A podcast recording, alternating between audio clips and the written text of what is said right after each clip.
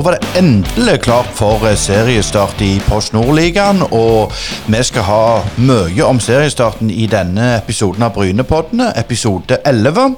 Vi skal ha besøk av uh, Even Sel. Vi skal snakke med Vegard Skogheim, som trener Asker. Og ikke minst så skal vi ta en prat med Eirin Bjerkreim Kleppa, som spiller på Bryne sitt damelag.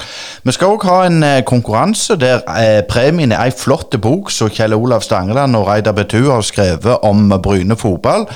Opp og ned gjennom 90 år, og det er ei skikkelig stor mursteinsbok med over 500 sider, tror jeg. Men du må høre godt etter i episoden for å finne ut hvordan du kan vinne denne utrolig flotte premien som Bryne fotball har gitt til oss i Brynepoddene. Må bare si tusen takk til Bryne fotballklubb for den fine presangen. Men først ut, altså, så er det Eirin Bjerkreid Kleppa som vi har snakket med. Ja, Velkommen til en ny episode av Brynepodden. I kveld så har vi fått med oss en veteran i kvinnefotballen i fylket. Eh, det var ikke mye veteran når jeg eh, dekte kampene til Klepps damelag. Da var hun ung og lovende. Og velkommen til Eirin Bjerkreid Kleipe. Jo, tusen takk for det. Eh, du har vel eh, forsvunnet litt ut av radaren for de som er interessert i, i fotball i fylket. Eh, Jorunn hadde, hadde, en ganske bra start i Klepp, og så fant du vel ut du skulle til Florida. Hvordan hadde det seg? ja, det gjorde jeg. Eh, det var nok litt tilfeldig at jeg havna bort der, men eh, jeg ble nå der på den høsten i 2012. Eh, og så skulle jo Tommy André Welde ta over Klepp-laget fra januar 2013. Og da fant jeg ut at jeg heller ble hjemme og ville spille meg inn i startelveren der. Så jeg var bare et halvt år i Florida før jeg eh, var tilbake på Klepp. Men, men var, det, var, det, sånn fotballstudie, holdt jeg på å si, sånn som så, så du hører noen ja. av de yngre guttene reiser på? altså kan, ja, kan du si litt om hvordan det var der borte? Altså det som du møtte nå, at du spilte eliteserie allerede i Norge, eller, eller toppserien. Mm. Hvordan, hvordan, var overgangen til USA nå? Eh, var, jeg var veldig heldig med det jeg kom. Jeg var med på Florida State University. Og det, eh, det var i toppdivisjonen av eh, den college-fotballen, da. Så vi spilte i flere ulike stater i USA. Eh, vi hadde veldig profesjonelt opplegg med fysiske trenere som var på plass. Vi hadde egne fysioterapeuter, egen lege som var med oss. Vi flydde privatfly til Miami for å spille kamp der. Så jeg var veldig heldig med min opplevelse, og opplevde jo egentlig at det var veldig profesjonelt og tilrettelagt for oss som spilte på laget med studie og treninger. Eh, så det var, en veldig, det var en opplevelse for livet. Det var det. Og jeg hadde fullt scholarship, så jeg betalte ingenting heller.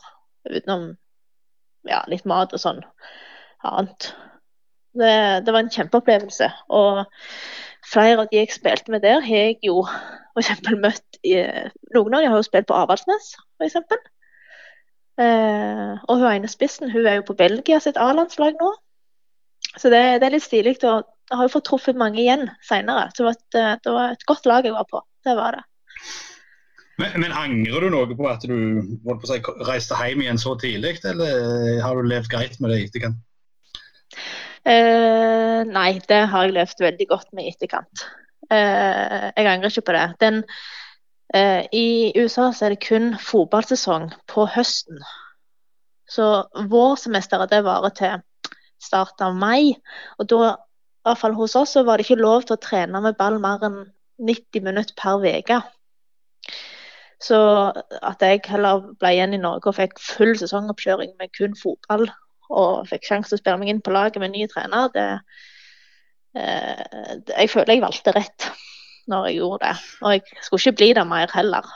Så jeg fikk, jeg fikk det meste ut av det oppholdet, følte jeg. Mm. Så fra alligatorer i Florida til, til nordavind på Klepp. Eh, Litt om den andre runden på Klepp. Hvordan, hvordan arta den seg under Tommy?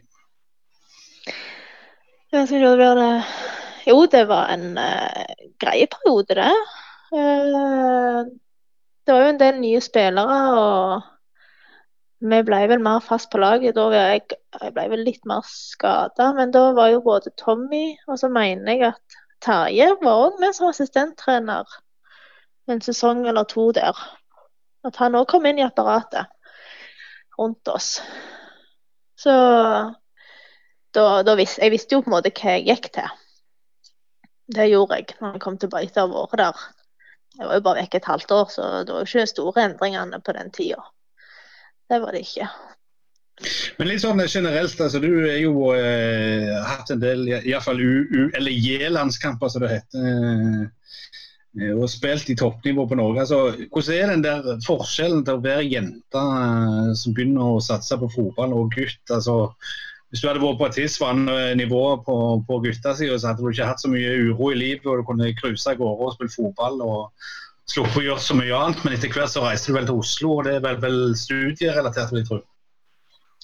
Ja, ja, som jentespiller så klarer du deg jo ikke kun med fotballen. Nå har det heldigvis blitt en del bedre, men fortsatt forbedringspotensial. Eh, men når eh, jeg var yngre, så måtte vi jobbe eller studere på sida av. Så når eh, jeg reiste til Oslo, da begynte jeg jo på Da gikk jeg vel over til Kolbotn og begynte å spille der. Og da, du hadde ikke kjangs til å klare deg uten å enten jobbe eller studere på sida av. Det hadde du ikke. Så det er jo det er knallhardt. Det er jo jobb eller studie, og så er det rett på trening, og så er det hjem. Og så er det mest til kvelden, og så er det ny dag. Så når du er oppi den bobla, så, så, går jo dagene veldig fort, og du har liksom alltid noe å gjøre. Men når du blir skada eller du slutter, så ser du jo hvor mye tid det tar. Hvor mye det krever av deg å kombinere de tingene. Så som hadde jeg vært guttespiller, så hadde jeg jo mest sannsynlig fått mye mer tilrettelagt i hverdagen. Da hadde jeg kanskje ikke behøvd å studere 100% eller jobbe tilnærmet 100% og så drevet med fotballen på sida. Da hadde jo fotballen vært hovedtingen i hverdagen. Og det følte jeg kanskje ikke var helt tilfellet når I hvert fall ikke når jeg var, spilte i toppserien, da. Men, men var, dette noe dere snak, var dette noe dere snakket om underveis, eller var det sånn dere helst ikke kunne snakke om sånne ting når du spilte? Uh, nei, det hadde jo litt med hvor du var som spiller. Altså, de som var i A-lands på A-landslaget og på en måte i den troppen der, de fikk jo stipend. Og de klarte som regel Kanskje de jobbet litt på sida av, eller studerte litt på sida av. Uh, men hvis du ikke hadde noe særlig god lønning eller noe ekstra fra fotballen, så, så, så, det, så var det egentlig sånn. Og klubbene har, har, jo ikke noe særlig med penger. De heller. Det har jo blitt mye bedre nå når Obos har kommet inn og flere sponsorer ser kanskje litt markedsverdi i fotballen. Så nå i de siste årene har det jo blitt mye mer penger inn for Lønnsnivået har jo heva seg, men altså, første kontrakten min i Klepp, var det da jeg hadde? 50 øre? Var det det det sto på kontrakten min fordi det måtte stå noe? Altså, det er jo, det er jo helt enorme forskjeller. Uh, og det kan jo svinge veldig innad i klubbene òg, uh, eh, selvfølgelig. Uh, og ja, det kan være urettferdig og sånn, men jeg tror de fleste klubbene prøvde sitt beste. fordi de tjener jo på å ha uthvilte spillere til treninger og kamper. Det er jo for å si det sånn, for å gjøre, ha gode prestasjoner på laget i løpet av en sesong. Kan jeg skyte inn et uh, spørsmål der? For i 2015, så når du var i Klepp, da sa du at nå, nå, nå gidder jeg ikke mer. Hadde det litt med, med dette å gjøre, at det, det, ble rett og slett for mye? Ja, da var jeg i Kolbotn. Men ja, det, da ble Da var jeg uh, den sesongen hadde jeg slitt mye med skade fra første treningskamp. Eh, så hele sesongen hadde jo ikke gått sånn som jeg så for meg, så motivasjonen var jo ikke helt til stede.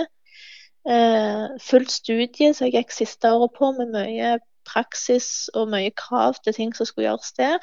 Og da fotballen, eh, som du aldri følte at du I hvert fall da så følte jeg at jeg strakk ikke til på noen plasser.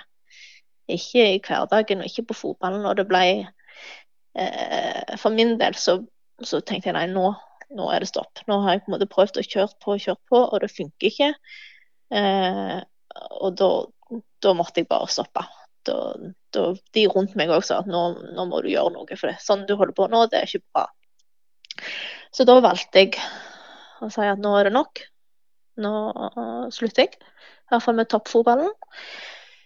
Eh, og da var jeg egentlig ganske bestemt på at jeg ikke skulle tilbake på noen fotballbane.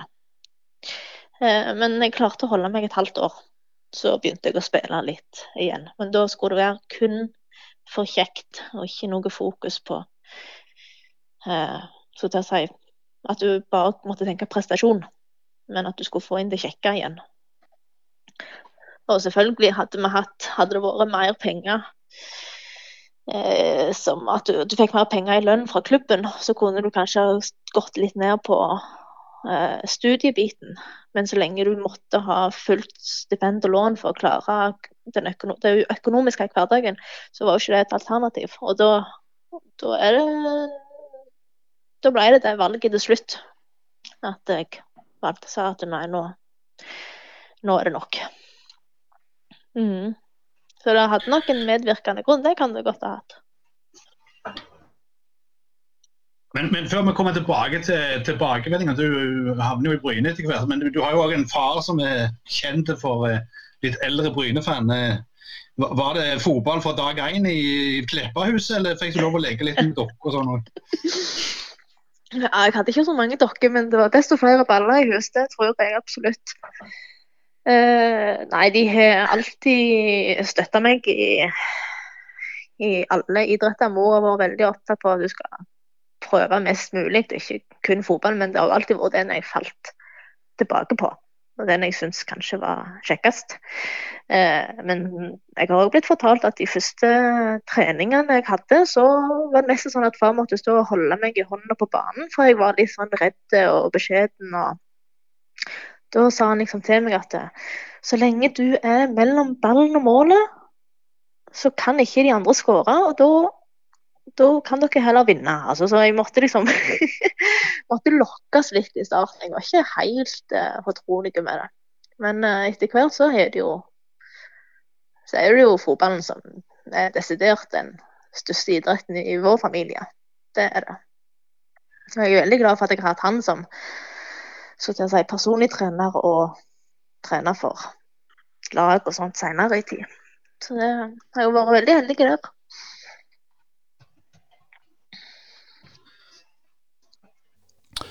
Ja, Da blir det litt sånne kunstpauser her, for du har jo òg en bror som spiller i, i Fløy, Eirin. Og ja.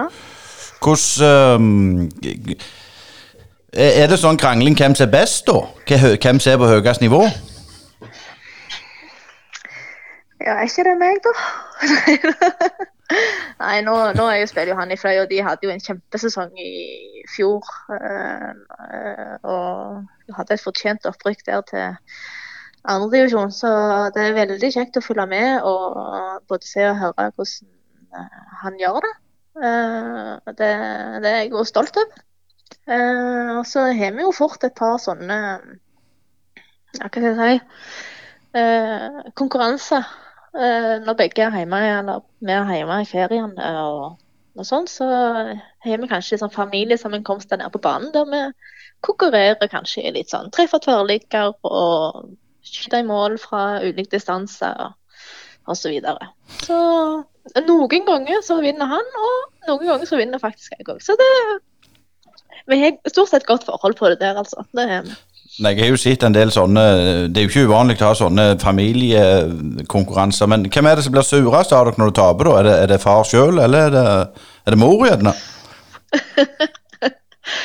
uh, nei, jeg tror ikke det er mor. Jeg tror kanskje det er jeg som er den dårligste taperen. Men uh, vi kan nok alle være ganske dårlige tapere. det kan vi. Men jeg, jeg, tror kanskje jeg er den sureste. Jeg har, jeg har jo jo, far han var nok ganske hissig, han òg i sin tid. Men jeg tror han har blitt litt mildere med åra. Uh, og så har jo jeg òg hatt, si etter treninger på Klepp uh, når jeg var litt yngre, så har jeg, så har jeg jo vært fly forbanna i bilen på vei hjem fra trening fordi vi tapte i boks, f.eks. Eller et eller annet. sant? Og da Enkelte ganger så har han jo har i hvert fall hatt forståelse for hvorfor jeg er så sur, mens andre ganger så har han vært litt mer sånn Nei, nå, nå må du skjerpe deg. Det finnes andre ting som er viktige òg her i livet. Men uh, han forstår meg i hvert fall, som regel.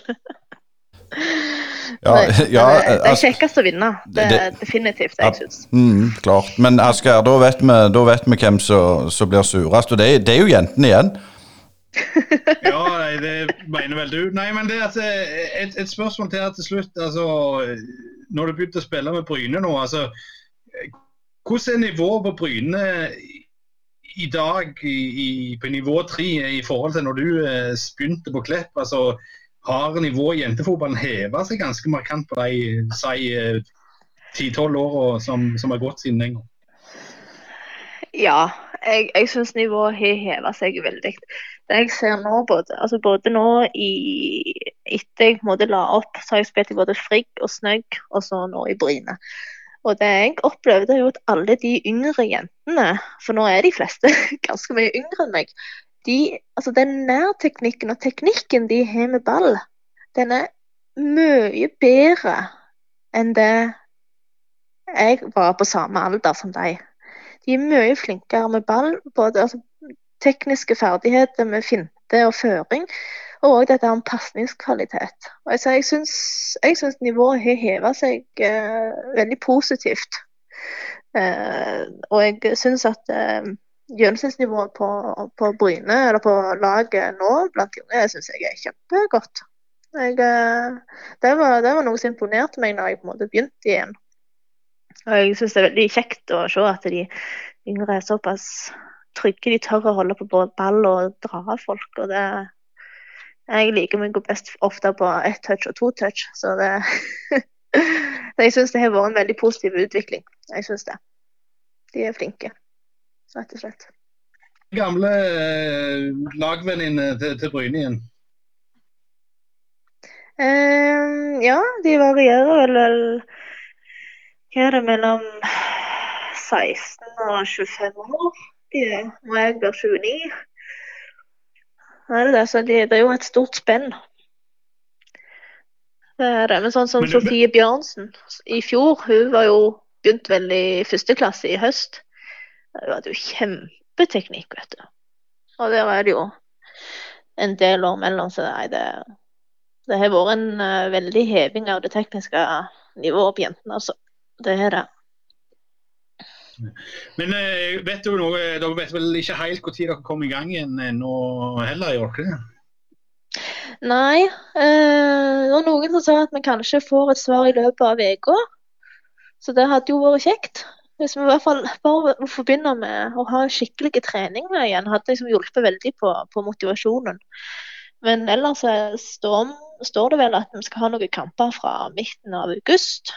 Hvis, hvis vi er heldige og får starte. Og det hadde vært veldig kjekt å få lov til. Eh, Det er på tide med de kampene nå. Nå har jo ikke jeg spilt kamp siden april i fjor, så jeg er veldig klar for å få spille litt kamper igjen.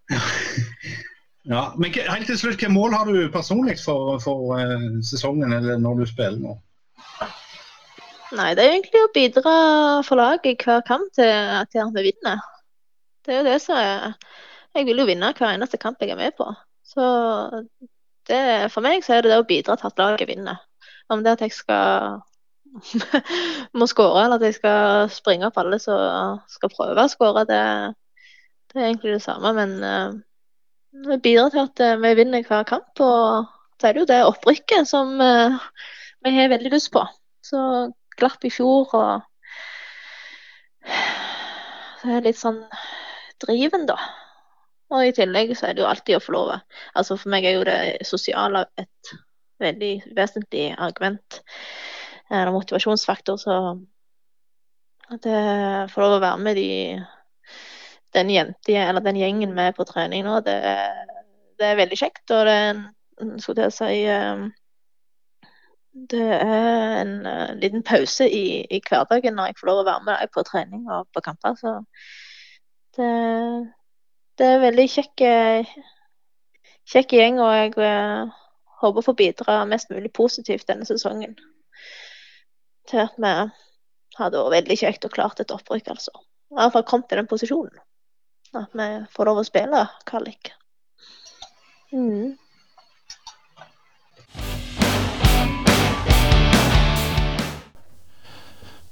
Ja, så Vi sa litt tidligere i sendinga skulle vi få besøk av eh, Even Sehl. Eh, Ja, hva skal, vi, hva skal vi kalle deg, Even? Men for, først av alt, velkommen til Brynepodden. Skal vi kalle deg assistenttrener, medtrener, spillerutvikler? Whatever. Ja, det er vel medtrener og toppspillerutvikler som er tittelen. Eh, Fortell litt om det med toppspillerutvikler. Det, hva er det for noe? Da har jeg eh, hovedansvar for å følge opp de eh, unge spillerne i, i klubben. Og da hovedsakelig de som er i A-stallen, og alder 16 til 21 år. Gi dem tett og god oppfølging, spillersamtaler, videoanalyse. Ja, rett og slett følge dem opp på en god måte og sørge for at de får utvikle seg. Det høres bra ut. Da har vi fått, fått den eh, hatten ut av eh, kaninen, skulle jeg til å si. Ole Morten, du holder jo på med dette her eh, Snapchat, eller hva det heter. Du er jo ungdommen, så du, du, har, du skal spørre litt om, om spillerkarrieren til Even. Ja. Jeg var jo ikke sånn altfor gammel i, når jeg ser på årstallet her, men uh, Even, hvilken posisjon hadde du på banen? Jeg var en midtbanespiller, en offensiv midtbanespiller. Så det var der jeg var, var best i ungdommen. Og så slutta jeg å trene litt etter hvert, så da ble jeg midtstopper på Åsland. Men i, i glanstiden og Bryne, da var det midtbanespiller. Ryktene sier at du var en sånn en liten eh, drittsekk på banen, eh, stemmer det? Det er alltid hvem du har spurt, om det er dommere eller medspiller eller motspiller eller hvem det er. Eh, stor vinnervilje, vil jeg kalle det. Altså har det av og til gjerne gått litt over streken, men fin tone utenfor banen, det er viktig. I 2004, altså disse tallene som jeg har funnet, så spil, altså i 2004 til 2007 så spilte du for Bryne og, og Bryne 2. Det står ikke oppført kamper, men det står eh, oppført at, eh, som vi var inne på nettopp, at du er en del gule kort. og også et rødt innimellom. Eh, hvor mange kamper fikk du for eh, Bryne? Kan du ta gjennom eh, det Bryne-karrieren du hadde? Ja, jeg har jo spilt i, i Bryne i alle år.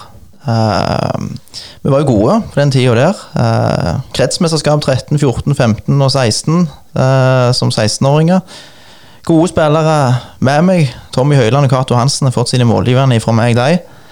Og så var det juniortida i Bryne. Da var vi òg godt juniorlag. Gjorde det bra jetcup i Hamar, junior-eliteturnering der. Kom til semifinalen i junior-NM i, i 2007. Slo Stabæk i kvartfinalen, tapte 4-0 mot Start i, i semifinalen. Aram Khalili skåret tre mål for start. Eh, så det var ei veldig fin, eh, fin tid i Bryne som spiller. Så var jeg jo sånn sett nærme A-stallen, men det var stor konkurranse om å komme inn i A-stallen. Når jeg var på mitt beste, så kom jo Bryne vel på tredjeplass i, i Obos-ligaen. Adeccoligaen da, spilte kvalik mot Odd.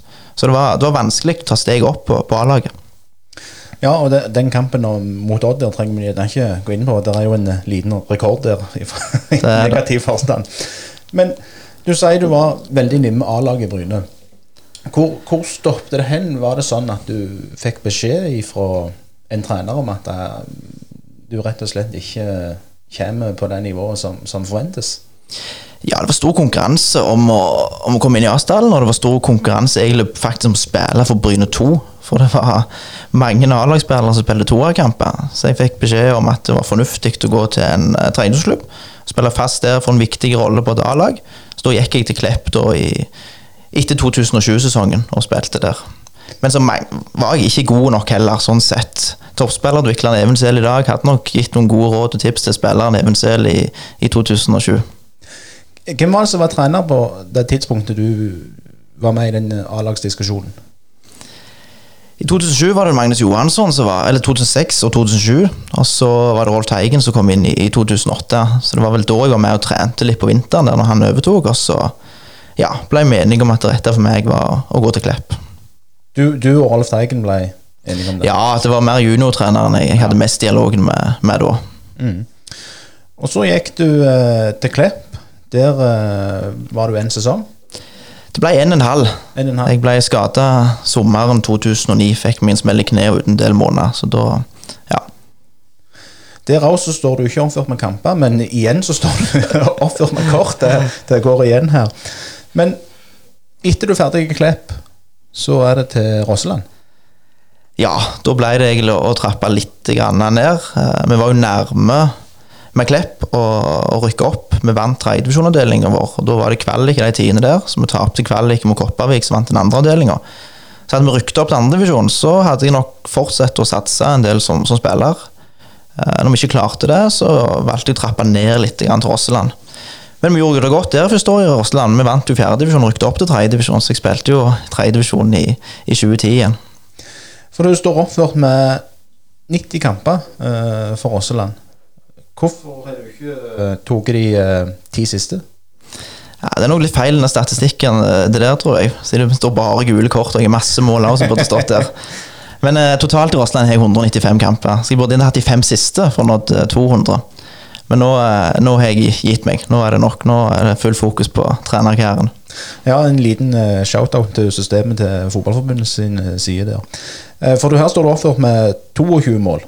22 mål, ja. Mm. ja. Det er jo eh, feil. Det kan godt stemme. Det er i Rosseland gjerne det.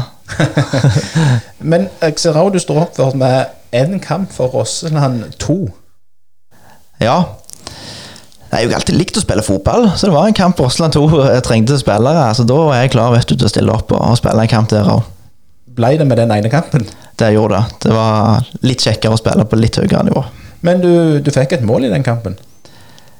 Ja, det kan godt stemme. Det er, ikke, det er ikke den kampen jeg husker best, for å si det sånn. Så jeg har ikke full kontroll, men det stemmer helt sikkert. det. Men én kamp, ett mål. eh, Hadde du fortsatt eh, den statistikken, så kunne du gjerne gi tilbake til Bryne. Ja.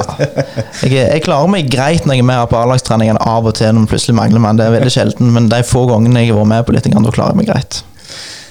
For å avslutte litt med den altså Med all respekt så er jo ikke karrieren din eh, veldig innholdsrik sånn sett, men eh, for å avslutte den litt Hvordan, hvordan var den veien ifra å ha vært spiller i Bryne til å ha vært trener i, i samme klubb? Det var stor fordel, egentlig.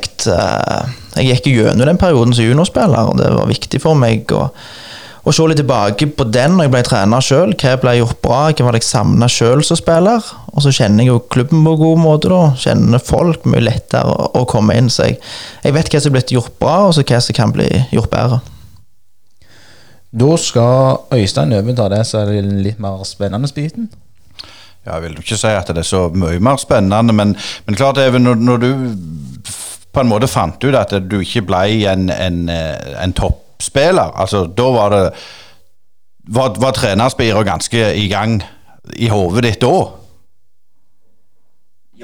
Jeg har jo alltid jeg trives godt jeg, med den lederrollen. Så han var kaptein på lag opp gjennom. og alltid tenkt litt som en trener. Eh, Så var det 2010.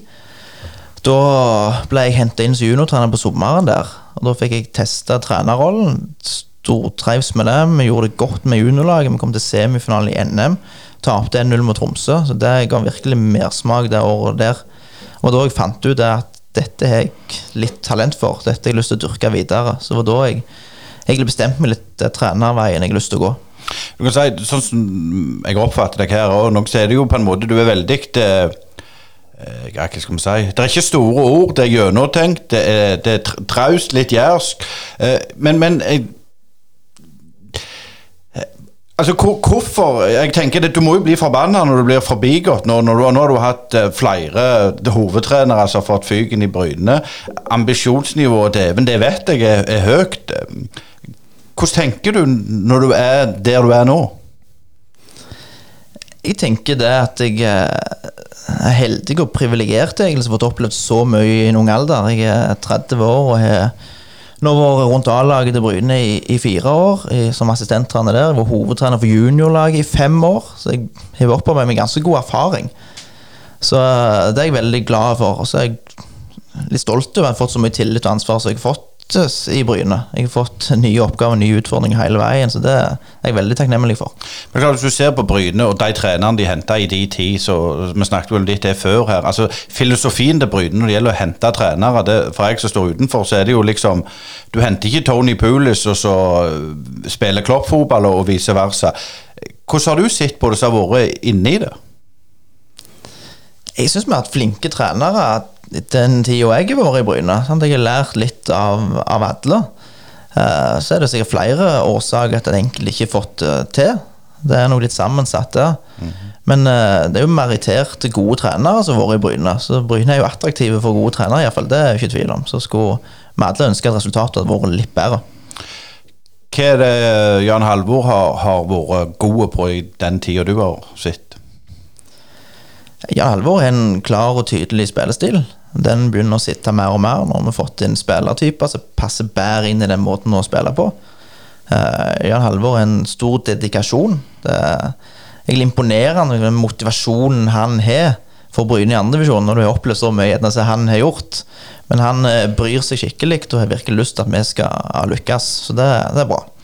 Eh, Jeg vet at eh, når Rolf Teigen på en måte fant ut at du ble veiet og funnet for lett, så var det jo veldig mye utenlandske spillere, altså Spaniola, Costa Rica, jeg skal ikke nevne navn, men, men klart det for- deg som var ung og lokal, hvor, hvor, eh, hvor forbanna ble du egentlig da?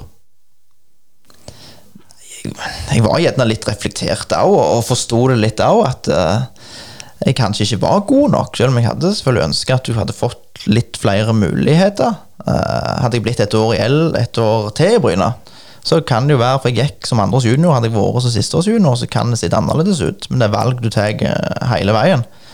Det, men det er viktig at eh, lokale unge spillere får, får sjansen når de fortjener det, og når de er, gode nok. Så det, det sitter jeg jo igjen med at eh, det er viktig at når de er ferdige i Bryne en gang, så har de iallfall fått muligheten og til å vise seg fram. Om det er trening eller kamp eller, eller hva det er. Det, det er viktig.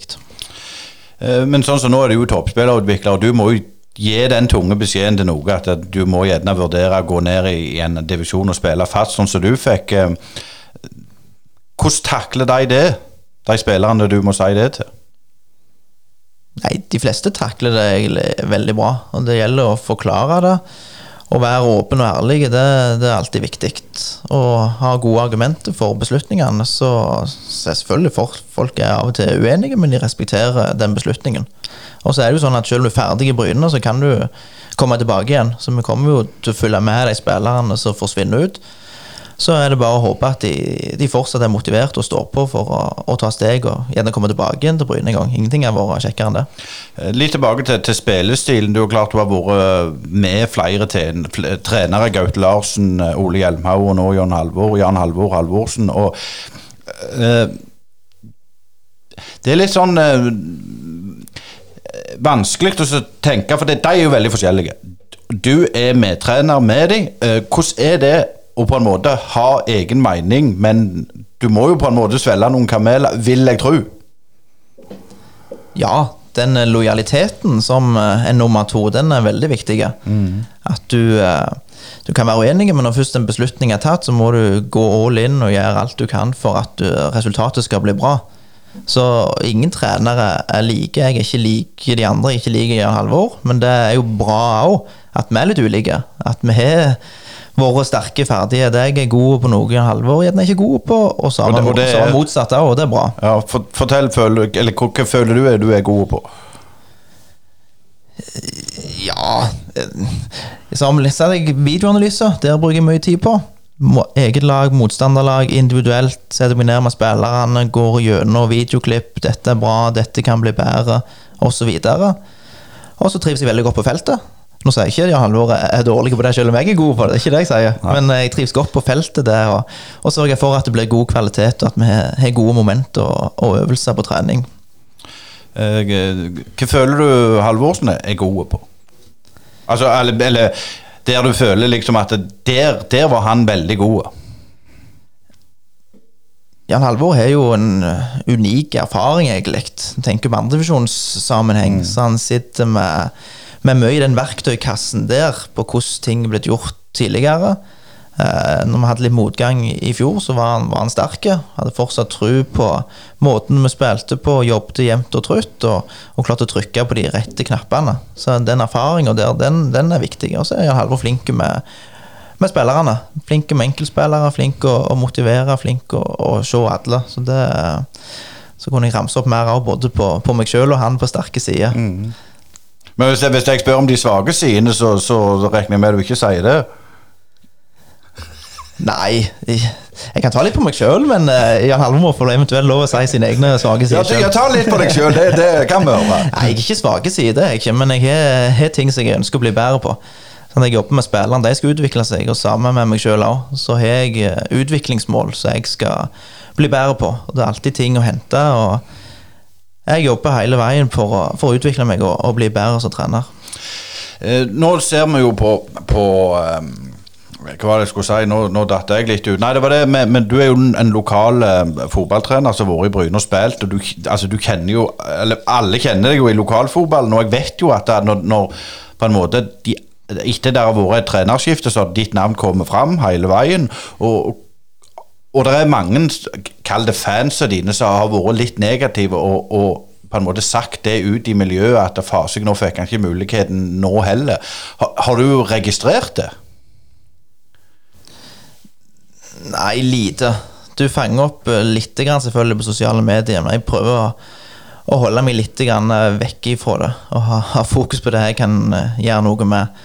Men jeg har jo fått noen meldinger og merker det at det er folk som tror på meg som, trener, og det syns jeg jo er gledelig. det. Så det må vi jo bare, bare takke for og være fornøyde med at, eh, at folk tror på deg. Har du noen gang eh, fått Eller noen gang Eller får du tilbud i, i fra andre klubber? En dum ingen kommentar? Nei, jeg har fått noen henvendelser, det, det har jeg. Men da har jeg vært ganske tidlig ute med å si at nå er det ikke rett timing. Jeg er i kontrakt med Bryne, jeg trives veldig godt her og har ikke lyst til å gå noen andre plass. Så kunne jeg sikkert, kunne jeg sikkert vært taktisk klok noen ganger og, og flagga ut at jeg er på jakt etter ny utfordring, men det har jeg aldri gjort. egentlig. Jeg trives godt i Bryne og, og har lyst til å være i, i Bryne en stund til.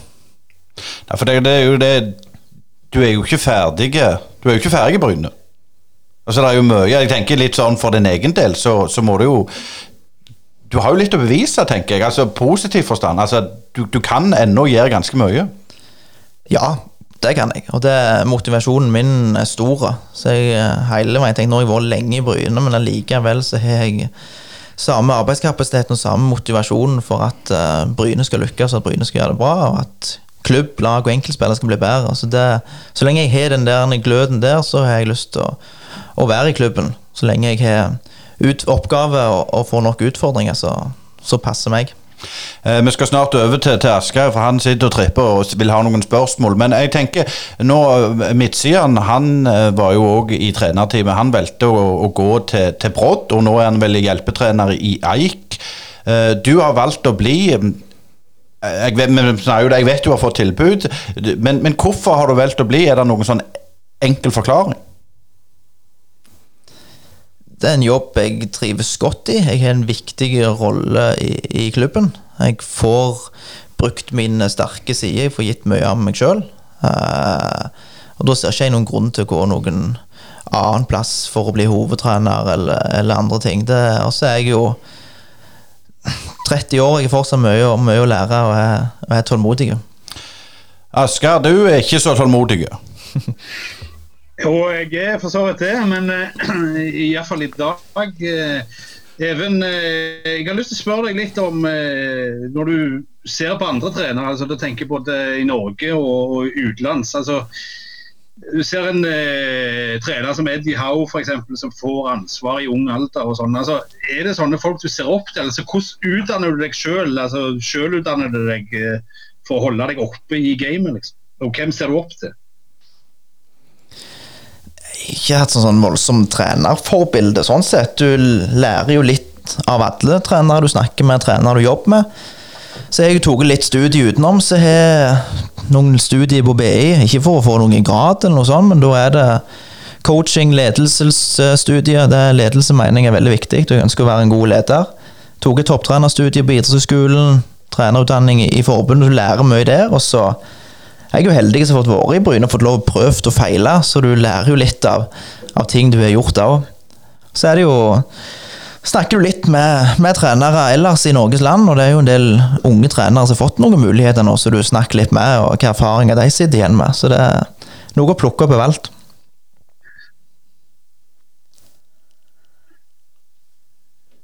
Men eh, altså, Per nå er vi jo i post nå, men altså i, i norsk trenermiljø så er det jo en del sånn runddans på de samme. altså Hvis de gjør det dårlig med to klubber, så er det på en måte ute. Er det noe som unge trenere går og frykter at de ikke skal lykkes liksom, hvis de får muligheten? Er det noe ikke blant deg, da, men, men, sånn generelt så du hører når du snakker med andre, at det er liksom de samme som får tilbud igjen og igjen og igjen. Og de litt yngre kommer liksom ikke til, til av seg sjøl. Ja, det blir jo litt sånn, så det gjelder jo å, å ta vare på de mulighetene du får som, som, trener, og gjerne lykkes litt i første klubben der. Men hvis det ikke går bra, så sitter du igjen med en voldsom erfaring og, og lærdom som du kan ta med deg videre i, i trenerkarrieren. Så er det sånn lykkes for min egen del. Så jeg har lyst til å egentlig jobbe med fotball eh, resten av livet, hvis det er mulig. Om det er som trener eller leder eller hva det er. og om jeg må jobbe en del år med spillerutvikling, så gjør det 13-16 så gjør det meg ingenting, der. For det er jo en viktig del og noe jeg trives godt med. Ja, da Bryne rykker opp når du er 85 år, så tviler jeg på at jeg klarer å få med i den kampen. Men eh, fram til da er det jo lenge, lang tid. Men eh, jeg har lyst til å ta deg med litt til, til det du snakket om i, i starten på, på, din egen karriere. Eh, det er jo mange mange av de som du spilte i lag med, som var innom Asdalen og har vært innom Asdalen, og også de som var et par hakk over deg og kom etter deg. Eh, der er jo en sånn tendens i Bryne at det enten forsvinner folk når de er 15-16, eller så kommer de opp i Asdalen når de er rundt 20, og så havner de da i Rossland og der toårskontrakten er over. altså er det noe dere er bevisst på at det skjer igjen og igjen? Er det noe dere jobber med for å prøve å holde folk A lenger blant de yngre, og B de som blir tatt opp, at de skal skjerpe seg og heve nivået, og ikke bare være fornøyd med at de er avstand. Ja, det er jo noe vi er bevisste på, at når de får den avgangskontrakten, så er ikke målet nådd, eller gjerne delmålet nådd, men at de hele veien må være utviklingsorientert og vil ta nye steg og utvikle seg videre. Det er viktig. Og så er det jo det å stå i det. Da er det viktig at jeg snakker litt med dem, for det, det er ikke sånn når du kommer rett opp i en avstand at du får spille hver eneste helg. Det blir noen tunge stunder der du gjerne sitter litt på, på, benken, og det er jo en del av det. Så er det den uh, tålmodigheten, da. Den er jo veldig, veldig viktig.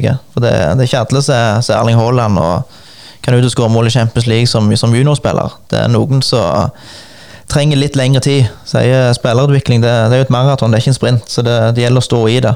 Så det er jo viktig. Og så er det da finner noen ut av det at dette er ikke noe for deg. De har ikke lyst til å legge ned så mye tid i dette. Det krever så mye, og da er det jo helt fair å trappe ned og gjøre noe annet. Men er det sånn på grunn av at dere er annen nå, så er det liksom at hvis folk vil studere, sånn, så, så, forsvinner de fortere enn de gjorde f.eks. når dere var i, i, på nivå to? Ja, det tror jeg.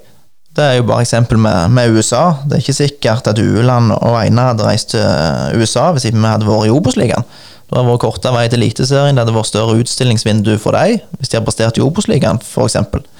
Så det gjør jo at folk tenker seg gjerne litt en ekstra gang om, om, hva de vil, og at de heller vil bruke tid på, på studiet. For det Ja.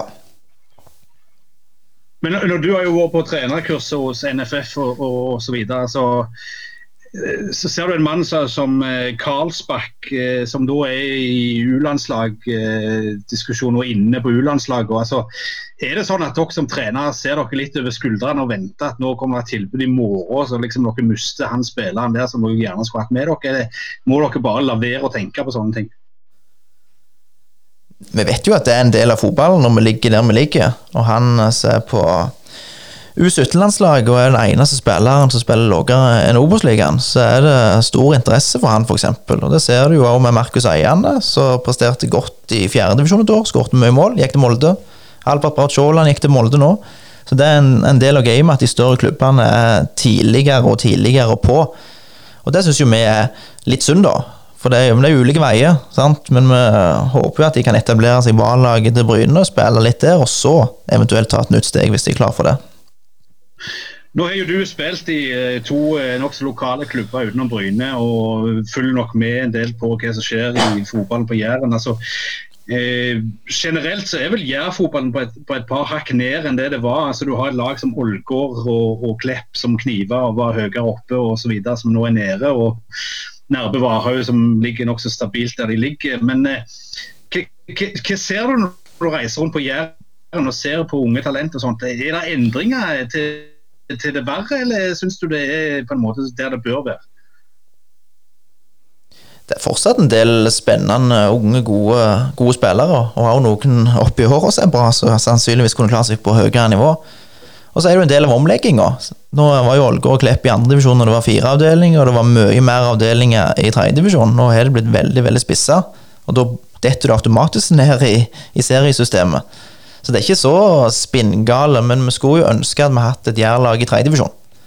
Uh, For det er, en nivåforskjell mellom andredivisjon og fjerdedivisjon. Å ha hatt et lag i tredjedivisjon tror jeg hadde vært veldig bra for Jærfotballen og for Bryne fotballklubb. Og for juniorer i Bryne, så når de er ferdige, så kan de gå til en treningsklubb på Jæren i plassen for å, å, reise inn til Stavanger. For alle kan ikke spille de klubbene der heller. Så det å få et jærlag opp i tredjedivisjon, det tror jeg er viktig. Men, men, merker dere det sånn at Eik, eh, Sandnes Ulf, spesielt Viking, er jo på en måte et par hakk opp? altså Merker dere den konkurransen mye sterkere nå enn dere gjorde for si fire-fem år siden?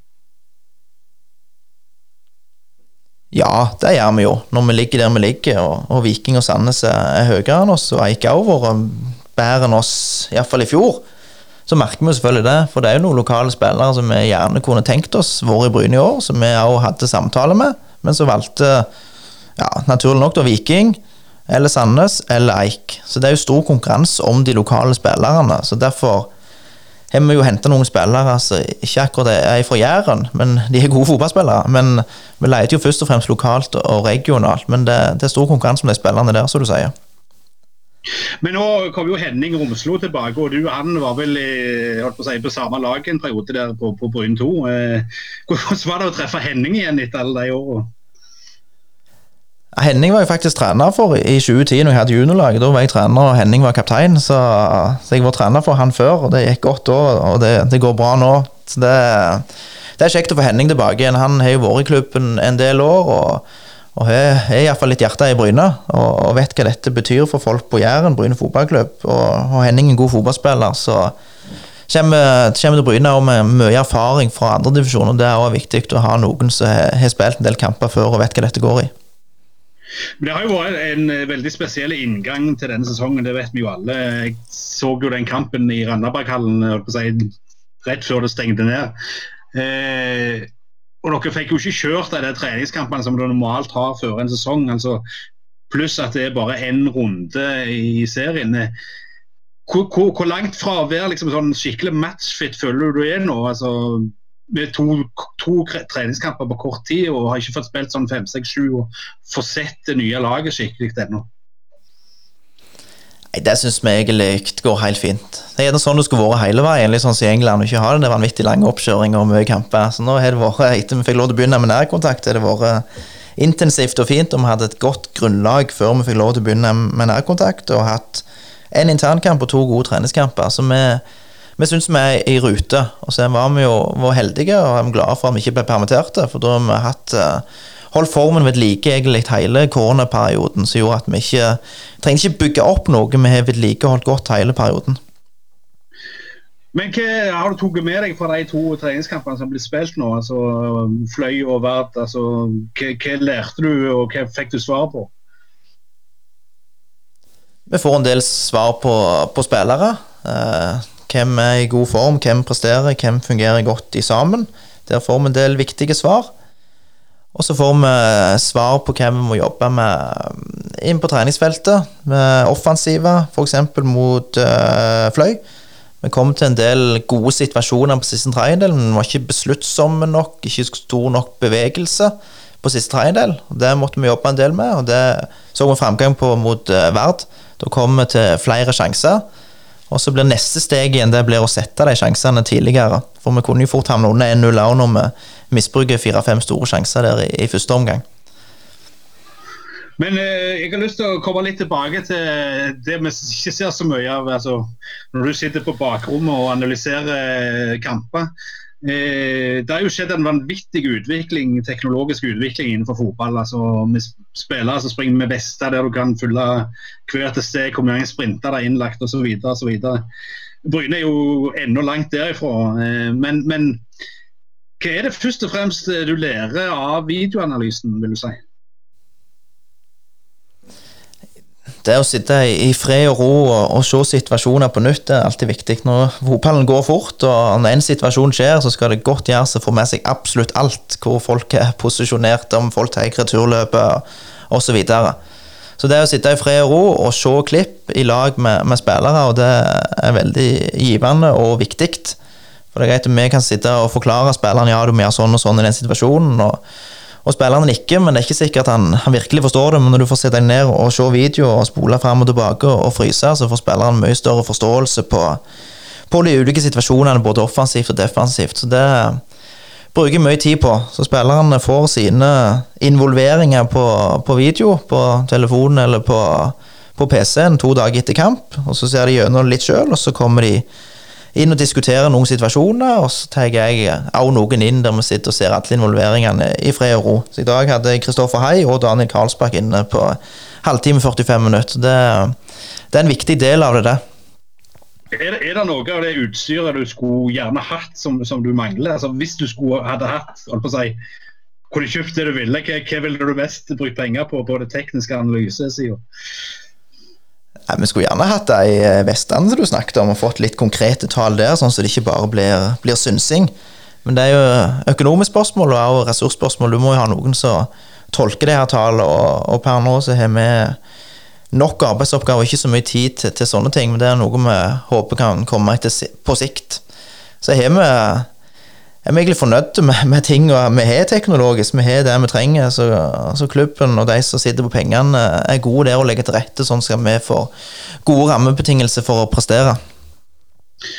Når, når vi snakket med Jan Halvor for eh, ja, drygt halvannen måned siden, så var det jo en del eh, ja, Rett før dere signerte eh, Holtan og, og sånne ting. Men de nye, da, hvordan føler du de har glidd inn i troppen? Det er jo ganske mange utskiftninger fra fjor, dette her. Eh, og, og dere har vel ikke hatt eh, all verden som tester det ut i kamper ennå, men hvordan ser de ut, de, de nye som har kommet? Har de glidd greit inn i miljøet, eller er det noen som du ennå forventer litt av? Vi syns de har glidd veldig godt inn. En uh, sammensveisa god gjeng. Vi fikk jo ikke treningsleir til, til, Tyrkia der vi pleier å få styrke samholdet, men det har vi fått gjort litt på, på andre måter. Så det er jo en treningsvillig, god gjeng, absolutt. Så alle har ambisjoner og vil ta steg, og da helst i lag med, med Bryne. Men det, det som du sier, det er ti nye spillere inn, og det er 14 ut fra lagbildet i fjor, så det er jo en del endringer. Så det å få dem til å bli samspilte og få en felles forståelse, det er noe vi jobber med hver eneste dag. Så vi håper det sitter allerede fra søndag av. ja, Vi bør jo komme godt i gang når det er så kort sesong, så vi, men vi har, hatt, hatt lang nok oppkjøring til å kunne få en god samhandling. Men eh, du vet jo hvordan det er på Jæren. Eh, folk sier ingenting, og så blir de plutselig sure. Eh, hvor, hvor lang tålmodighet tror du publikum vil ha i år når, når sesongen er i gang? Når bør dere være ute av startblokken? Vi må komme godt i gang eh, fra, fra søndag av. Så er jo det en tøff kamp mot Asker. Så er et godt lag. Så vi kan spille en god kamp og likevel tape mot Asker. Sånn er det bare. Men så skal vi ha Fløy, og så skal vi ha, ha Nardo. Og det er viktig å, å plukke godt poeng allerede fra starten av.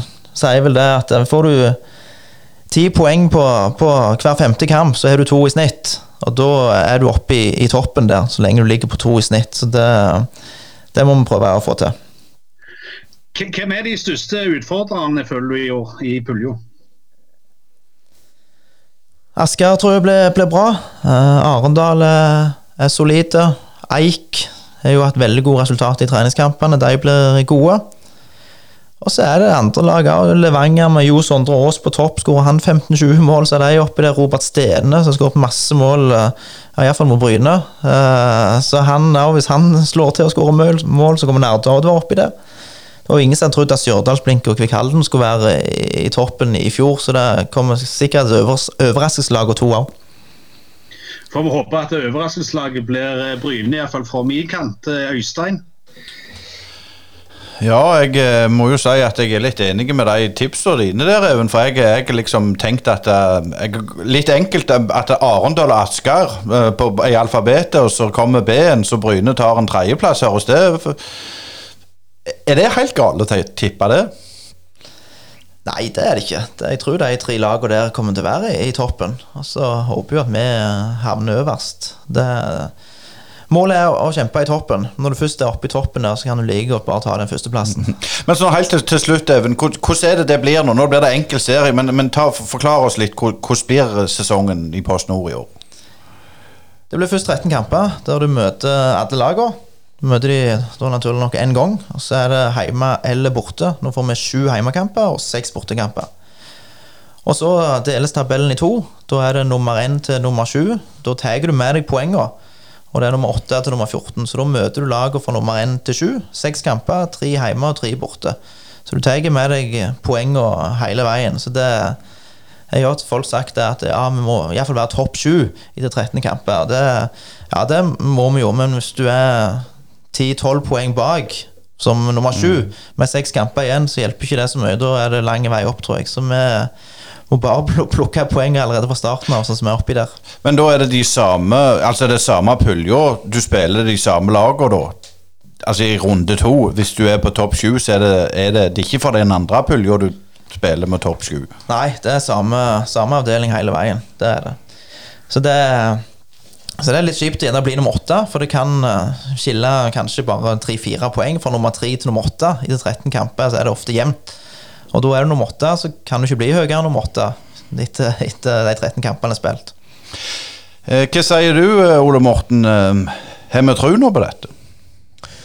Jeg liker jo godt å ha tro nå, eh, og jeg har fortsatt tro på Jan Halvor som, som hovedtrener. Eh, og så er det spennende med dette nye systemet. Jeg tror jo for supporteren sin del så tror jeg faktisk det er en eh, litt mer sånn spennende vri på systemet. Hva tenker du om det, Even? For jeg vet dere har uttalt at dere vil hel helst ville dere hatt dobbel serie eller vanlige serie. Ja, vi sa det at 26 kamper, det, det hadde vært helt topp, det. Men uh, jeg syns 19 kamper er flott. Eh, 26 kamper på en halv sesong, andredivisjon, det er rovdrift. Det er folk som har full jobb, kone, unger.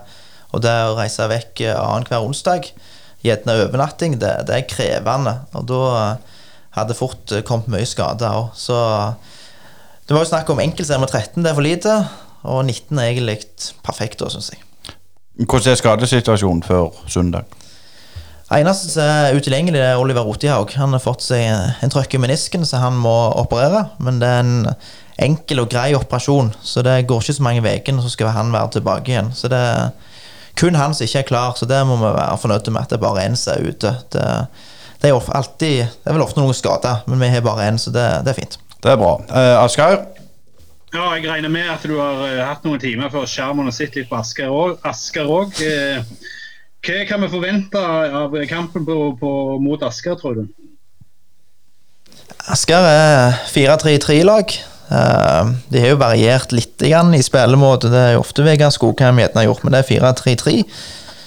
Det er Didrik Sereba, Hødd Levanger, vært der på høyrekanten. Fitim Kastrati, tidligere Bryne-spiller, på venstre. Så er det en Lars Fure, som har vært i Superettan to siste åra. Vært i Ålesund Mjøndalen. Kim André Madsen stopper. Vært i Strømsgodset, solid eh, spiller der. Så de har en del spillere med, med god erfaring. Så det er et godt lag. De vant jo de åtte siste kampene av sesongen i fjor. Så vi får håpe det stopper borte bra. Men når du skal analysere de, altså, du har jo veldig lite å gå ut ifra. Altså, hvordan gjør du det i forhold til vanlig? Nei, Det er jo litt ulempe nå at det ikke ble spilt noen kamper. Og Sist kamp mot uh, Kjelsås det ble ikke filma. Så vi har Fredrikstad-kampen uh, som utgangspunkt, så de spilte for to uker siden. Men da fikk de en mann utvist etter uh, 40 minutter. Så fikk de enda mer utvist på slutten, så de avsluttet kampen med, med ni mann og tapte 5-0. Så det er litt sånn Ja, så lenge de var en mann mindre, så er det ikke så stort utbytte vi får av det. Men vi, vi vet nok, og så er det velkjent at vi har mest fokus på oss sjøl. Så det er det viktigste. Da får vi slippe til oraklet fra Tu. Ja, det er så flott, Asker. Jeg setter pris på det. Men eh, Even Sehl, tusen takk for at du var gjest i Brynepodden, og lykke til. Vi skal jo selvfølgelig ha kontakten gjennom sesongen. Tusen takk, det var veldig kjekt å være med.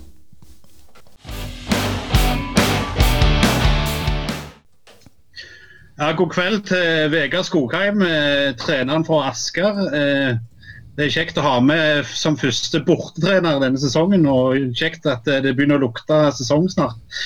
Men Vegard, vi i Brynepodden vi prøver å tenke litt annerledes enn de vanlige inn mot neste kampspørsmål. så du er jo erfaring med å trene klubber som har vært store lag, både HamKang og Kongsvinger, som har vært i toppen, og som, som når du tok over, lå litt lenger nede. Altså, hvordan vil du si at den erfaringen har preget deg som trener, og hva må de klubbene som kommer i den situasjonen, som f.eks. Bryne, nå gjøre for at, eh, at ting skal endre seg på sikt?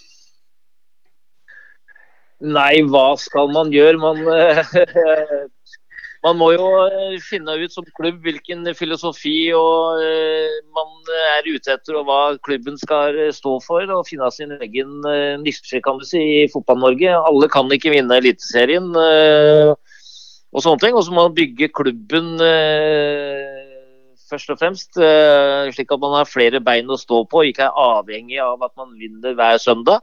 Slik at det kan være ro og orden rundt, eh, rundt det sportslige. Det er ganske viktig, slik at uh, trenere som kommer kan få lov til å drive med det, det han uh, føler er rett for, uh, for sin filosofi og sånn. Så jeg føler at eh, det er å egentlig ha litt ro i, ro i sjela og eh, se litt lenger fram enn akkurat eh, hver søndag, kan du si. Men eh, når du eh, kom til Kongsvinger, så var det jo en relativt eh, ung, ung trener. Eh, og Kongsvinger er vel sånn tradisjonelt det har blitt eh, erkerivalen til HamKam. Hvordan var det du ble tatt imot i et Kongsvinger som lå litt nede? Altså, hvordan var det for deg den opplevelsen å komme dit?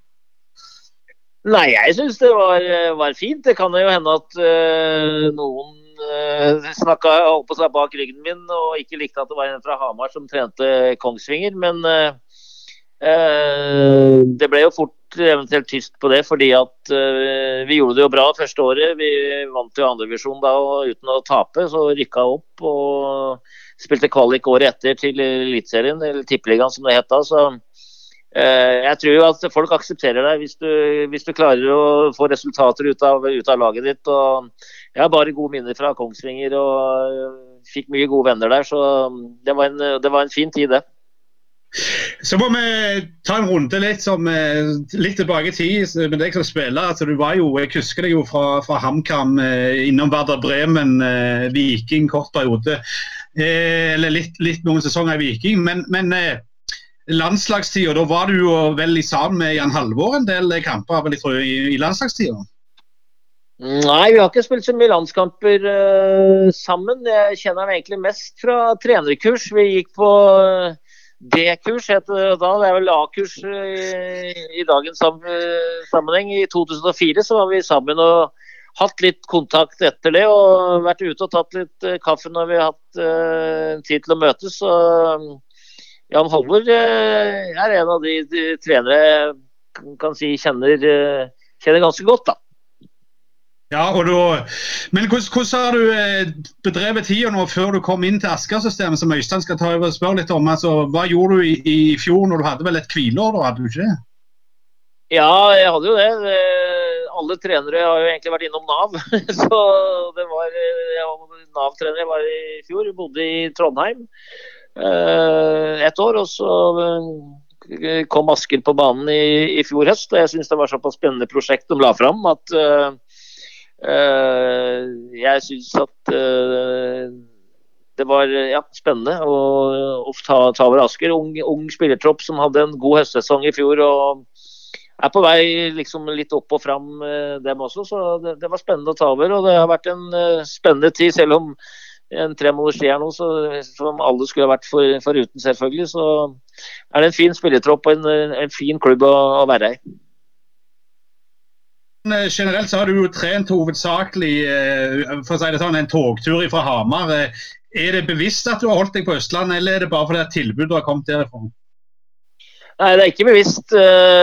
Tilbudet har vel kommet herifra stort sett. Jeg var nære i 2007, tror jeg det var, å ta over Bryne, faktisk. Jeg var i samtale med Frode Olsen og de folka rundt i Bryne da, men da hadde jeg såpass små unger fortsatt på, på, på Hamar. og eh, kan du si var, var singel, så de, ungene mine hadde bruk for en, eh, en far mer enn en, at Bryne hadde brukt for meg som, som trener, så derfor ble det nei til Bryne den gangen. Så det har vært litt sånn småklubber rundt omkring, men eh, det har stort sett vært på Østlandet. Men nå er det Øystein som tar over litt om Asker her. Ja. Ja, det er det. Og eh, det var jo interessant å høre at du var, du var aktuell for, for, for Bryne. Men, men jeg ser jo litt sånn med tanke på den spillerstallen du har i Asker, så er det jo en kar som heter um, eh, Kim André. Mm. eh, Som er ledet inn eh, assistenttrener. Han har ti år i Strømsgods i Tippeligaen bak seg. Så lurte jeg på hvor mye betyr en sånn en spillertype? Da tenker jeg ikke på, på det sportslige, men, men å ha i gruppa. Er det viktig? Ja, det er viktig, og spesielt når eh, ganske mange av de jeg har i stallen er ganske unge og fremadstormende som ikke har vært med så mye ennå. Så da er det fint å ha en rutinert eh, spiller og person som har, eh, som har spilt på et høyere nivå og vet liksom hva som, hva som skal til. Og er en fin spiller inn mot, inn mot de unge i, i gruppa. så det det er uvurderlig å ha sånne, sånne spillere, spesielt i unge, unge grupper. Da. Det er klart at uh, Har du mer erfarne spillere, og sånt, så er det jo flere å dele ansvaret på for, uh, for spillere òg. Men, uh, men, det å ha Kim André der, det er, det er, det er fint for en, for en, trener. Jeg så jo siste generalprøven, så ble det vel uavgjort. Nå klarer jeg ikke å huske hvem dere spilte mot, men, men hva målsetning har dere for året? Jeg kan bare si at vi tapte 1-0 for Kjelsås. Det var ikke uavgjort. eh, nei, Målsettinga er jo øh, å være, være med i, i, toppen der. Og så vet vi at det å bli nummer én, det er det, er det vanskeligste du, du, gjør. Uansett hvilken divisjon du, du spiller. Så da, da, skal du både være god og heldig. Er vi bare gode, så er vi med i toppen. Er vi gode og heldige, så kan det hende at vi tar første, første eller annenplassen. og er vi, er vi dårlige, så havner vi ikke oppi der i det hele tatt. Så vi må være gode, dyktige gjennom året, og, og selvfølgelig ha litt eh, flaks på veien. For det, det må man ha skal man være, være oppe der. Men gode lag har jo også flaks, som det heter. Så man man må først og fremst være god, da. Ja, det er en fordel å være god, men Gaute Larsen, tidligere Bryne-trener, hadde jo Asker. Og da husker jo jeg når jeg så lag Asker at det var veldig spillende. Er det noe som du har ført videre? Ja da, eh, jeg har vel egentlig alltid vært en eh, offensiv eh, trener som, som gjerne vil fort fram i banen. og Det har vel kanskje gått litt utover det defensive, har jeg hørt. Men jeg liker jo, jeg liker jo den offensive stilen. og jeg, vi skal også tenke på at vi er liksom i en litt sånn underholdningsbransje, selv om det, den ligger her som nummer to. Selvfølgelig er det viktigst å vinne fotballkamper. men vi må også ha med oss det at uh, publikum skal synes det er artig å, å se på, på, fotball. og Da er det greit med en offensiv uh, holdning til, til, det vi driver med. Man må jo selvfølgelig litt innom din karriere, så, så Aschehoug var inne på. Du har jo vært prof, profesjonelle fotballspiller i Werder Bremen, og Rune Bratseth var der. Men der var det vel fire-fem kamper, så var det hjem til Hamar igjen. Fortell litt om det. Ja, jeg var vel litt uheldig på slutten av det første året der, hvor jeg egentlig skulle begynne å få litt spilletid og sånne ting, så røyk jeg korsbåndet på ei trening. og da, På den tida så var det jo var det jo ikke lov å ha mer enn to spillere utafor EU i troppen. og Jeg og Rune var jo, var jo, det kan du si det året. og Så henta de en fra New Zealand, og da fikk jeg bare beskjed om at uh, ettersom jeg nedi der egentlig ble kalt idrettsinvalid òg, så var det liksom bare å pakke sekken og, og, og dra hjem. Men eh, Jeg har jo gode minner fra, fra den tida. men uh, var vel ganske nære da, på å slå igjennom i, i, i Bremen, men uh, korsbåndskade stoppa den, den, videre veien der, da. Men det sånn legendebegrepet, men, men for, for, meg, Vegard, så er du en legende i norsk uh, toppfotball. og Da må vi spørre om hvem er den beste spilleren du har spilt med? Og det er så mange gode, så det er nesten, uh, nesten uh, litt urettferdig å, å, nevne noen. Men det er klart at i Bremen så Rune Bratseth var jo helt fantastisk når jeg var, var nede der. Uh, I HamKam så, så Ståle Solbakken, Terje Koiedal, Pål Jacobsen. I Viking, Magnus Svensson var jo helt fantastisk på midtbanen der når jeg var nede der. og Egil Løstenstad, Gunnar Aase, i alle fall på publikumssida, så var han god. Eh, så eh, det er utrolig mange gode fotballspillere jeg har fått lov til å og vært privilegert å spille sammen med. Så jeg håper så er ingen, nevnt, ingen glemt, men nå har jeg jo nevnt noen. og Det er fantastiske fotballspillere. Jeg har sikkert glemt noen også. Men sånn for din egen del, eh, ambisjoner videre med Asker, og har, har du lyst til å trene både internasjonalt og, og, og toppfotball i, i Norge på sikt? Ja, altså jeg har lyst til å øh, være trener, og øh, man får vel det man fortjener. Og er man en god trener, så kan det hende at man kommer seg videre med Asker eller, eller andre klubber. Men nå, er jeg, nå er jeg her, og jeg har ambisjoner om å gjøre det best mulig der jeg er. Og gjør jeg det, så kan det hende at muligheten øh, byr seg eventuelt andre steder også. så som sagt, man får det man fortjener, og så får man jobbe knallhardt i hverdagen for å oppnå, oppnå drømmene sine. Helt til slutt, eh, Skogheim, tida di i Viking, nå husker jo ikke jeg helt årstallet men det var noen sesonger du var her? Jeg var der i tre sesonger, i 1996, 1997 og 1998. Eh, Jeg fikk vel et tilbud om å være her også i 1999, 1999 men da begynte liksom litt sånn skadeproblemer og litt på hell, og da fikk jeg en fast jobb på Hamar som journalist. Og da valgte jeg og familien å dra hjem og, og begynne, å, begynne å jobbe ordentlig, for å si det sånn. Har du, har du litt kontakt med folk her i Rogaland nå, eller? Ja da, eh, ikke så veldig mye, men, men litt. Gunnar Aase var jo bl.a. i, i, i eh, 50-årslaget mitt. Eh, eh, Helge Bjønsås, som ikke er fra eh, akkurat Stavanger, men bor i Kristiansand og han var i 50-årslaget mitt. Så litt kontakt har jeg med, med folk. Men det er klart, når du bor så langt unna eh, tidligere lagkamerater og er i et nytt miljø, så, så blir jo litt vanna ut. Men eh, litt kontakt har vi. Det høres bra ut. Jeg vet ikke, Asker, eh, har du noen spørsmål til VG helt på, på tampen her? Jeg har et eh, spørsmål inn mot eh, serien nå. Altså, Vegard, dette er jo første gang eh, vi spiller bare én runde i, i serien. Altså, hvordan tror du det vil prege årets sesong? Er det sånn at du må vinne hver kamp nesten for å kunne rykke opp? Eh, det er en fordel ha fotballkamper i alle fall, for å rykke opp, men eh, om du må vinne hver kamp, det, det er jeg litt usikker på. For, eh, eh, for lag vil jo eh, både vinne og tape her. Men det, det er klart at eh, får du en god start og du er i flyten, så er det selvfølgelig en fordel. Det hadde vært om det var 26 kamper, men ettersom det er så kort vei fram til i første 13 i hvert fall, før du skal liksom dele oss i, i to i gruppa, så så øh, føler jeg liksom at øh, det er ekstra viktig å, henge med fra start og ikke komme, komme etter. Eh, hadde du hatt en lengre sesong, så, så kunne du jo ha hatt mer å gjøre utover høstsesongen sånn sett, men det har du ikke tid til nå. Nå må du bare inn og, og vinne, vinne fotballkamper fortest mulig. Så får vi se hvordan dette utarter seg til helga. Takk Vegard Skogheim for at du stilte opp i Brynepotten. Bare hyggelig.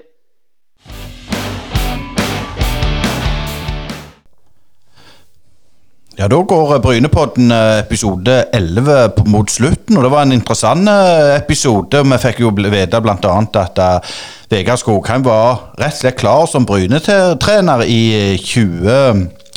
Var det 2007, Asgeir? Ja, det stemmer. Han var mest ferdig forhandla kom vel til Bryne, var på plassen. Og så endte han da opp i heimbygda si Hamar, som han vel har hatt en tendens til å gjøre i karrieren. En heimakjære kar, men det blir, det blir veldig greit det når, når serien nå begynner på, på søndag. og jeg, jeg, Kan jeg få lov å komme med tips? Altså, Jeg har det rett og slett gått i alfabetet, og jeg tipper at Asker Arendal blir i toppen. Og så har du B, Bryne. Det er de tre første, tror jeg. Hva tror du, Ole Morten? Jeg har jo lenge tenkt på at den tredjeplassen eh, blir Bryne sin plass. Men eh, siden du tar den og den er opptatt, så skal jeg faktisk være i overkant positiv og gå for uh, nummer to. Hvem vinner, da? Jeg tror at uh, Eller vinner pulja i ja, jeg, tror, første? jeg, tror, jeg tror Asker vinner i første omgang. Og så håper vi jo alle mann at Bryne tar det i neste omgang. Ja, Asker, hva, hva tror du? Jeg er litt usikker på, på hvem som rykker direkte opp. Eh, men jeg mener at Bryne som klubb, eh, uten at de skal tippe plass, må være med i den øvre halvdelen i år. Altså, de må klare å være med og kjempe med et opprykk. Eh, ellers så tror jeg det ser litt mørkt ut eh, framover for å være pessimist. Ja, vi har fått en eh, fin bok fra Bryne fotballklubb. eh, opp og ned gjennom 90 år. Historien om Bryne FK. og Det er Kjell Olav Stangeland og Reidar Betu som har skrevet den. Og den kan bli de, eh, hvis du svarer på et spørsmål som Ole Morten har eh, til oss her. Da lurer vi på hvor tid Bryne IL ble til Bryne FK. Gjerne ikke vi lurer på det, men det er iallfall spørsmålet. Og Da er det viktig å svare på våre sosiale plattformer, enten på Instagram, Twitter eller Facebook.